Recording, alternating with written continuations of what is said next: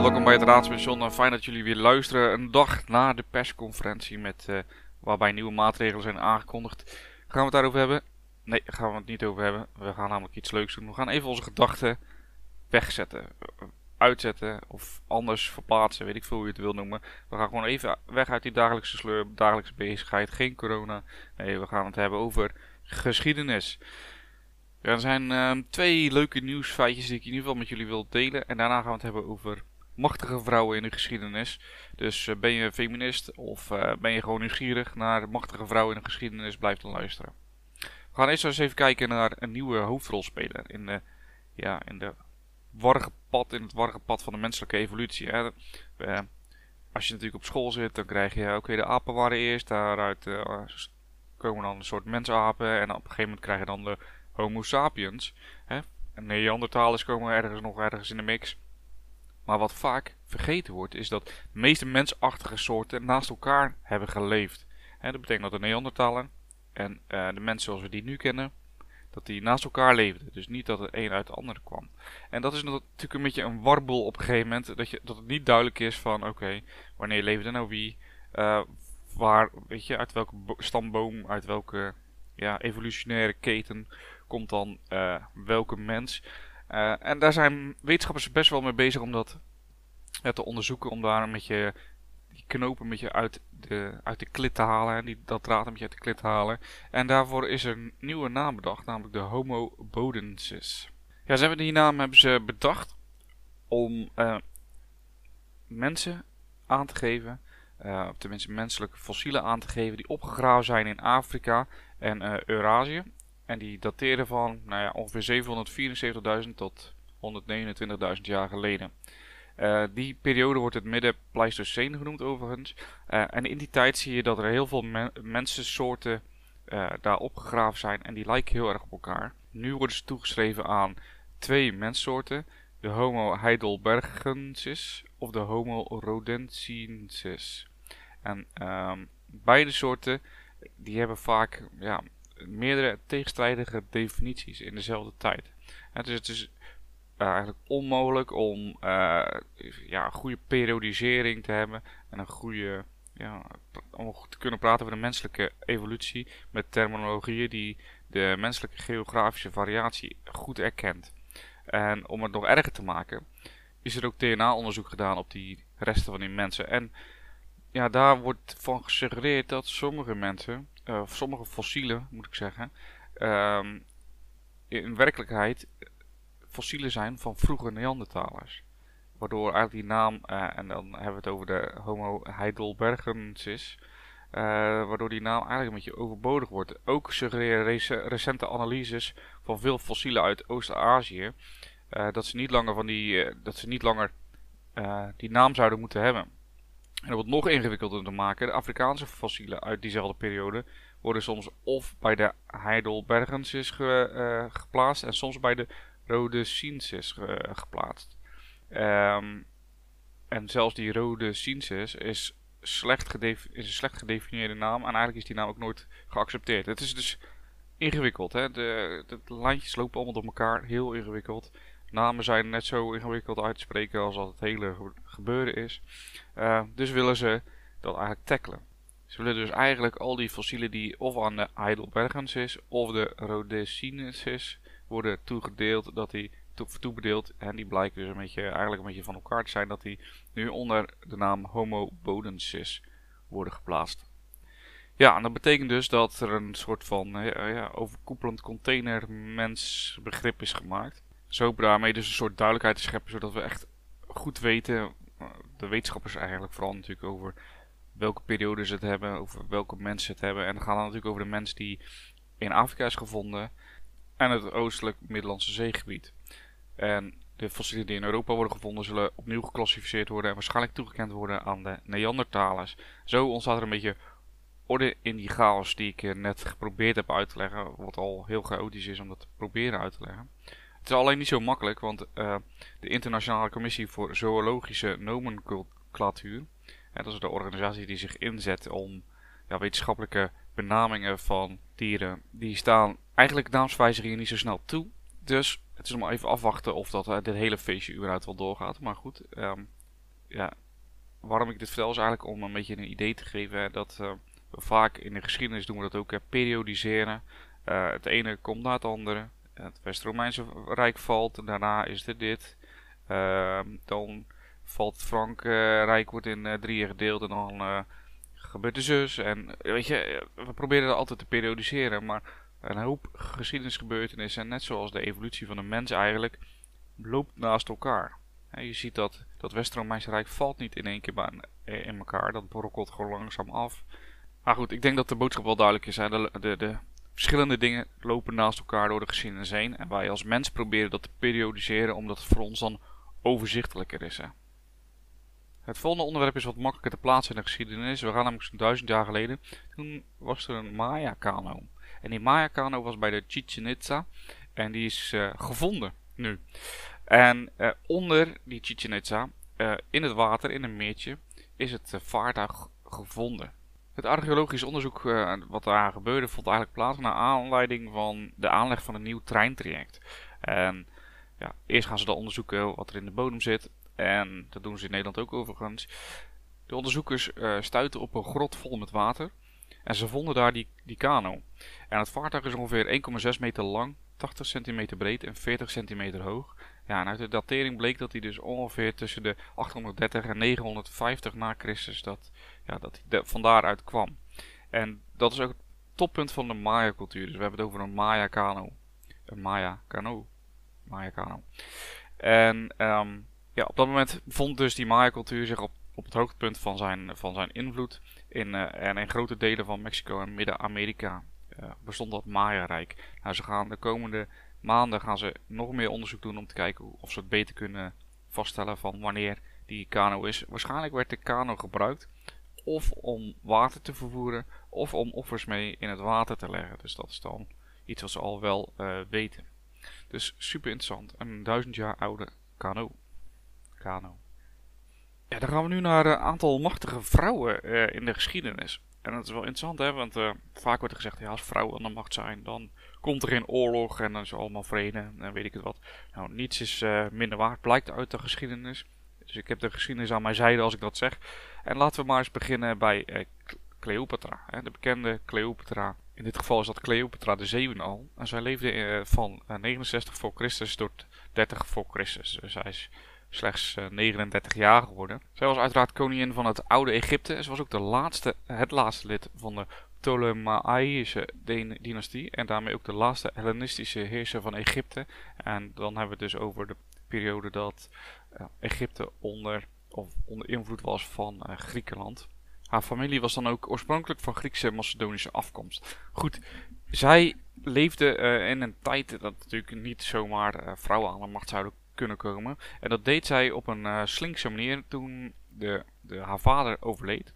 Trouwde ze met haar broer. En haar broer was natuurlijk eigenlijk degene die dan uh, koning of farao van Egypte zou worden. En ze trouwde met haar broer om vervolgens uh, die macht te krijgen.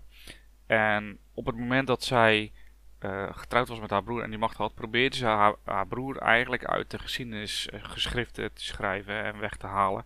Ze probeerde hem een beetje ja, weg te moffelen. En dat viel niet zo goed bij de Egyptenaren. En uh, ja, er kwam een staatsgreep. Zij overleefde die en ze papte aan met een oude bekende van ons, Julius Caesar. En dankzij die verhouding met hem kon hij haar greep op de troon verstevigen. Nou ja, uiteraard werd uh, Caesar in 44 voor Christus vermoord. Toen ging ze, deed ze eigenlijk hetzelfde met Marcus Antonius. En ze kreeg ook een tweeling met Marcus Antonius. Ze trouwde vervolgens met hem en kreeg nog een zoon. Uh, Cleopatra had dus uiteindelijk vier kinderen. Eentje met Caesar en drie bij Antonius. Maar helaas, dit sprookje eindigde ook. Want toen Antonius rivaal en uh, Caesars eigenlijk wettelijke opvolger uh, Octavianus de volle macht van Rome tegen Egypte keerde. Ik dacht Cleopatra, ja, dit is genoeg. Ze, ze, wilde ook geen relatie met Octavianus. En ze benam zichzelf van het leven. En eigenlijk is dat, dit verhaal is een soort ja, legende geworden, mythe geworden. En veel, er zijn veel opera's over geschreven. William Shakespeare, Anthony en Cleopatra is natuurlijk een voorbeeld daarvan. Er zijn heel veel films van gemaakt, in, ook in Hollywood. Dus ja, zij is wel een belangrijke vrouw geweest. Die ook best wel, Egypte was best wel een groot, belangrijk land. Leuk trivia feitje voor op een Een verjaardag is eh, bijvoorbeeld dat Cleopatra betekent vaders glorie. En haar volledige naam is Cleopatra Thea Philopator. En dat betekent eigenlijk de godin Cleopatra, vader minnend. Dus interessant, leuk feitje voor op een verjaardag. Bijvoorbeeld. Of zomaar random.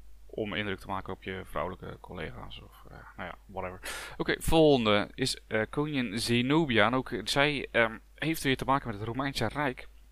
Zij leefde namelijk in Palmyra rond uh, 241 en ze stierf ergens in 273, 274. En ze was koningin van Palmyra. En Palmyra was een uh, rijk wat op zijn hoogtepunt was in 271 na Christus. En het strekte eigenlijk van Egypte tot aan uh, een stuk van het huidige Turkije, Anatolië. Uh, Ankara bijvoorbeeld viel daar ook onder. En ja, het is natuurlijk uh, bijzonder dat een, vrouw aan de macht is in een Midden-Oostenrijk. En dat zij tegen de Romeinen was. Ze was boos op de Romeinen. Ze wilde niet onder het Romeinse Rijk horen, horen. En dat ze dan ook vervolgens nog een heel stuk van het Romeinse Rijk eigenlijk veroverd. Nou, helaas uh, ging zij uh, weer ten onder. Je moet je voorstellen, dit had natuurlijk ook te maken, want ze had een best wel een groot deel van het Romeinse Rijk. En dit had natuurlijk ook mee, ermee te maken dat de Romeinen hun aandacht op het westen hadden gericht. Hè. Dus in 270 kwam Aurelianus aan de macht en die kon zijn legers weer op het oosten focussen.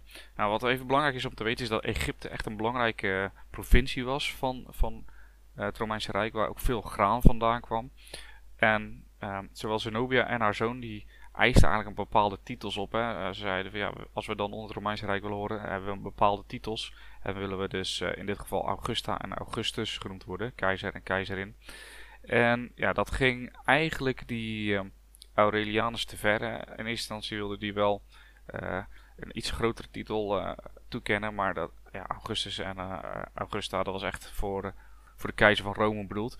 En dus ging hij met zijn leger, ging hij ja, Palmyra weer terugveroveren en terug in het gereel krijgen, samen met natuurlijk alle gebieden in Anatolië en Egypte. En um, ja, er zijn eigenlijk drie versies over wat er met, de, met haar uiteindelijk is gebeurd. Hè, want ze ging dus weer ten onder.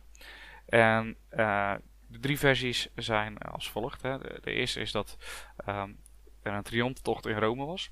Hè, dat was wel gebruikelijk. Als een uh, generaal uh, grote winst had behaald, dan deed hij een triomftocht in Rome. En zij zou daar ja, vernederd zijn tijdens de triomftocht. Dus naakt door de stad heen gelopen. En daarna zou ze zijn onthoofd. een andere versie is dat zij zichzelf vergiftigde nadat ze die triomftocht had gelopen. Um, en nog een derde versie is eigenlijk wat fortuinlijker voor haarzelf. Dat ze na de triomftocht werd toegestaan om zich in een villa bij Tibur terug te trekken en een, met een senator te trouwen. En dat ze uiteindelijk een natuurlijke dood stierf. Ja, um, de laatste versie, hè, dat, zij zich, uh, dat zij met een senator heeft, is getrouwd, is de meest waarschijnlijke versie. Ook als je kijkt naar het aantal bronnen die nog uh, nakomelingen van koningin Zenobia uh, vermelden. Dus ze heeft, moet wel die tijd hebben gehad om zich te kunnen voortplanten, om het zo maar te zeggen. Leuk feitje weer, hè. haar naam. het is een Aramese naam en dat betekent eigenlijk de dochter van Zabai. Zij was overigens een buitengewoon mooie vrouw met mooi lang haar. Dus ja, dan de, de, volgende vrouw in ons lijstje is Wu Zetian. Nou, je hoort het aan de naam. Het is een Chinese keizerin. Zij leefde van 624 tot 705 na Christus. En ze was keizerin tijdens de Tang-dynastie van 685 tot 690. Het is wel interessant hoe zij aan de macht is gekomen. Eigenlijk heel slim en heel sluw. Want uh, ze, was, ze was in eerste instantie een concubijn uh, van uh, de keizer Taizong. En ja, ze was niet echt zijn favoriet. Ze schonk hem ook geen kinderen. En toen hij overleed was het eigenlijk ja, vrij logisch dat zij naar een boeddhistisch klooster zou gaan. Maar dat, ze had geluk, want ze werd eigenlijk door de vrouw van de keizer uh, Gaozong, dat was de opvolger van Taizong, werd ze teruggehaald als uh, concubijn voor haar man. Ik weet e-, even eerlijk gezegd niet wat de Nederlandse naam is van concubines. goed, concubijn. Het is in ieder geval zo'n zo'n vrouw. zo'n women on the side, zeg maar. Um, anyway, um, haar machtstrijd begon eigenlijk op het moment dat ze weer teruggehaald werd. En door ja, een aantal intriges waarbij er zelfs gezegd wordt dat ze een, haar eigen pasgeboren kind zou hebben opgeofferd tussen zowel de keizerin als de favoriete concubine van de keizerin, van de keizer, te doden. En in 655 werd ze dus de vrouw van de keizer en daarmee min of meer zelf keizerin. Um, ze trok steeds meer macht naar haar toe en toen haar man Gaozong in 683 stierf, um, regeerde zij alleen verder. En daar gaan natuurlijk verhalen over rond dat zij toevallig hem had vergiftigd. In 690 liet ze zich formeel tot staatshoofd uitroepen en ze was daarmee ook de eerste regerende keizerin die China ooit heeft gehad, hè? ook tot de dag van vandaag. Dan zou je afvragen, wat is daar dan, wat is er, weet je, buiten het feit dat zij natuurlijk de eerste en enige vrouwelijke keizerin was, wat is er nog meer zo mooi? Nou, zij zorgde ervoor eigenlijk dat de Chinese manier van leven, hè, de, de levensstandaard van de Chinezen, dat die omhoog ging met een stabiele economie. Uh, maar ook dat er, uh, dat er hervormingen waren in het onderwijs. Zij zorgde voor stabiliteit. Ze was ook een geliefd monarch.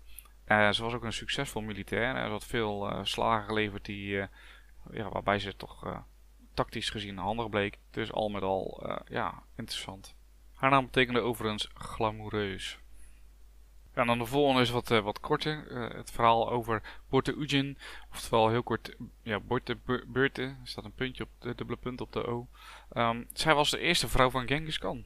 Uh, ja, alleen daarom ben je al een basis, lijkt mij, als jij gewoon vrouw kan zijn van Genghis Khan. En je bent dan uiteindelijk, ze ook Grand Empress, de grote keizerin van zijn ja, groot gestichte rijk. Er is weinig ja, wat echt bekend is over haar leven. Wel dat haar kinderen uiteindelijk uiteraard de erfgenamen waren. Uh, wat wel bekend is dat zij schijnbaar de reden was waarom uh, Genghis Khan een grote veroveraar werd. Zij uh, ja, ze waren echt wel verliefd op elkaar, ze hielden van elkaar, volgens de legende. En op een gegeven moment werd, die, werd die, de kamp, het familiekamp van Genghis werd overvallen door ja, rivalen. En zij werd gevangen genomen en zij werd eigenlijk als, ja, als prijs. Hè. Ik weet niet of jullie Game of Thrones hebben gezien, maar heb je natuurlijk ook die Dothraki die dan ja, zeggen van uh, deze vrouwen uh, zijn van mij nu. Het zijn mijn vrouwen nu. Ik heb het spoils. Ik heb dit uh, gedaan. En nou, dat was dus ook met die, met die borden. En de legende heeft dat ja, die, die, die Genghis Khan die zei: Ja, mijn bed is leeg. mijn, mijn postkast is uit elkaar getrokken. Ik kan dit allemaal niet aan. En hij ging op een, op een tocht om zijn geliefde vrouw te bevrijden van vijanden. En na acht maanden lukte het hem om haar weer te bevrijden. En uh, ja, veel historici zeggen dat dit eigenlijk de weg is uh, waarop Genghis Khan zeg maar, terecht kwam om vervolgens veroveraar te worden. En hij zou uiteraard heel veel, een heel groot gebied veroveren. Ik kon niet echt terugvinden wat haar naam nou precies betekent, dus dat blijf je me verschuldigd. Tenzij je het zelf weet, laat het mij dan even weten, dan kan ik dat voor de volgende keer corrigeren. de volgende vrouw is Elizabeth I van Engeland ja, eh, misschien wordt ze nu wel overvleugeld Elizabeth II. Die is inmiddels, uh, heeft uh, Elizabeth II, die is 95 jaar. En ze heeft weer op de klimaattop gesproken. Super mooie woorden. Elizabeth I regeerde echter veel eerder, zo'n 500 jaar geleden. Van 1533 werd ze geboren en ze stierf in 1603. Ze was koningin van Engeland en van Ierland. Vanaf 1558 tot aan haar dood. En zij regeerde, regeerde over Engeland in een tijd uh, dat Engeland verdeeld was tussen katholieken en uh, het opkomende protestantisme. En Elisabeth droeg eigenlijk aanzienlijk bij aan de zaak van protestantisme.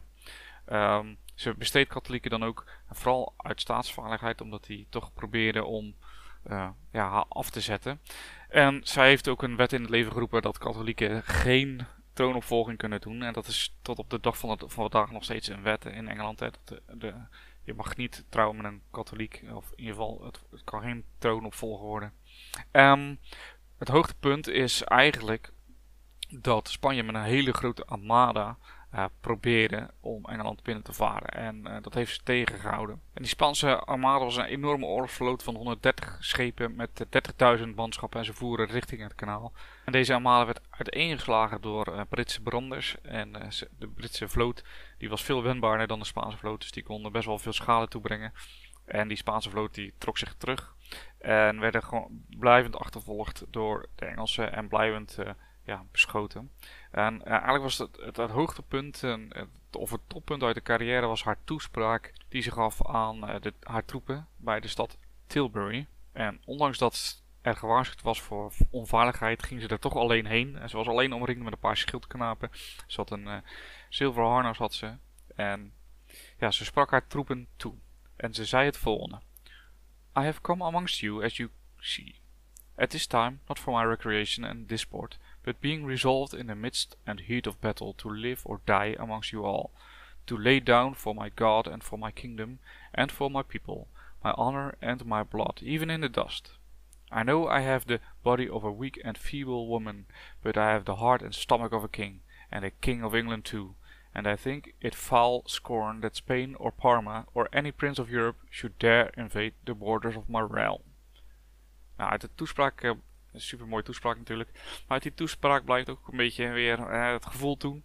Een vrouw zou eigenlijk geen, uh, een vrouw zwak. Ze zou geen koningin moeten zijn, dat zou niet moeten kunnen. En in, die tijd, machtige vrouwen deden zich ook vaak dan voor als man, of ze bedeelden zichzelf mannelijke eigenschappen toe om toch maar die claim op de troon te kunnen hebben. En uh, zij deed dat dus uiterst effectief.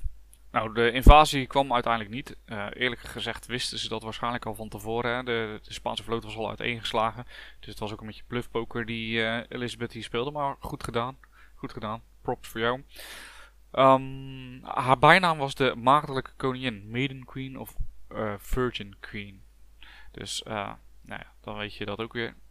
En de laatste vrouw is ook een Engelse vrouw en dat is Margaret Thatcher. Nou, Margaret Thatcher kennen we natuurlijk allemaal. Was uh, Britse politica van de Conservative Party en van 1979 tot 1990 de eerste vrouwelijke premier van het Verenigd Koninkrijk. Zij staat natuurlijk het meest bekend om de Falklandoorlog die zij uh, ja, toch voerde tegen Argentinië. Argentinië dat uh, de Falklandeilanden wilde hebben en ja, zij zei dat gaat niet gebeuren. En ja, ze zetten de tegenaanval in en uiteindelijk wonnen de, de Britten. Dus dat is wel, uh, dat zorgt ook voor populariteit aan haar kant. Maar ze heeft nog veel meer interessante dingen gedaan. Uh, het buitenlandse beleid was, was heel strikt. Ze was minder Europees minded, maar meer Amerikaans minded. En ze was keihard. Ze, ze zei ja, I want my money back. Haar politiek van I want my money back leidde pas naar zeer harde onderhandelingen tot compenserende maatregelen op sociaal terrein en in de landbouw bijdrage voor Europa. Uiteindelijk wat haar ondergang werd was de poltax. En de poltax was een soort belasting die inkomensonafhankelijk was. Uh, ja, waarna eigenlijk de conservatieve partijen van haar af wilden. Zoals dus daarin niet heel uh, geliefd. Ze is overleden in 2013 overigens. Ja, dat waren toch wel uh, ja, invloedrijke vrouwen in de geschiedenis. Er zijn natuurlijk veel meer vrouwen in de geschiedenis die invloed, invloedrijk waren. Maar als jij nou vindt dat er een bepaalde mensen of bepaalde vrouwen nog genoemd moeten worden, laat het me dan weten. Het zijn natuurlijk ook non-politieke, ja, of non-politieke, zeg maar, geen, geen leiders die, die in deze lijst hadden kunnen staan. Um, laat het me weten. Geschiedenis.paulushistoricus.nl Check op Instagram, Facebook, whatever. Check alle social media, wat je wil. En wil ik jullie weer bedanken voor het luisteren. En dan horen jullie mij volgende week weer in een nieuwe aflevering van Het Raadpunt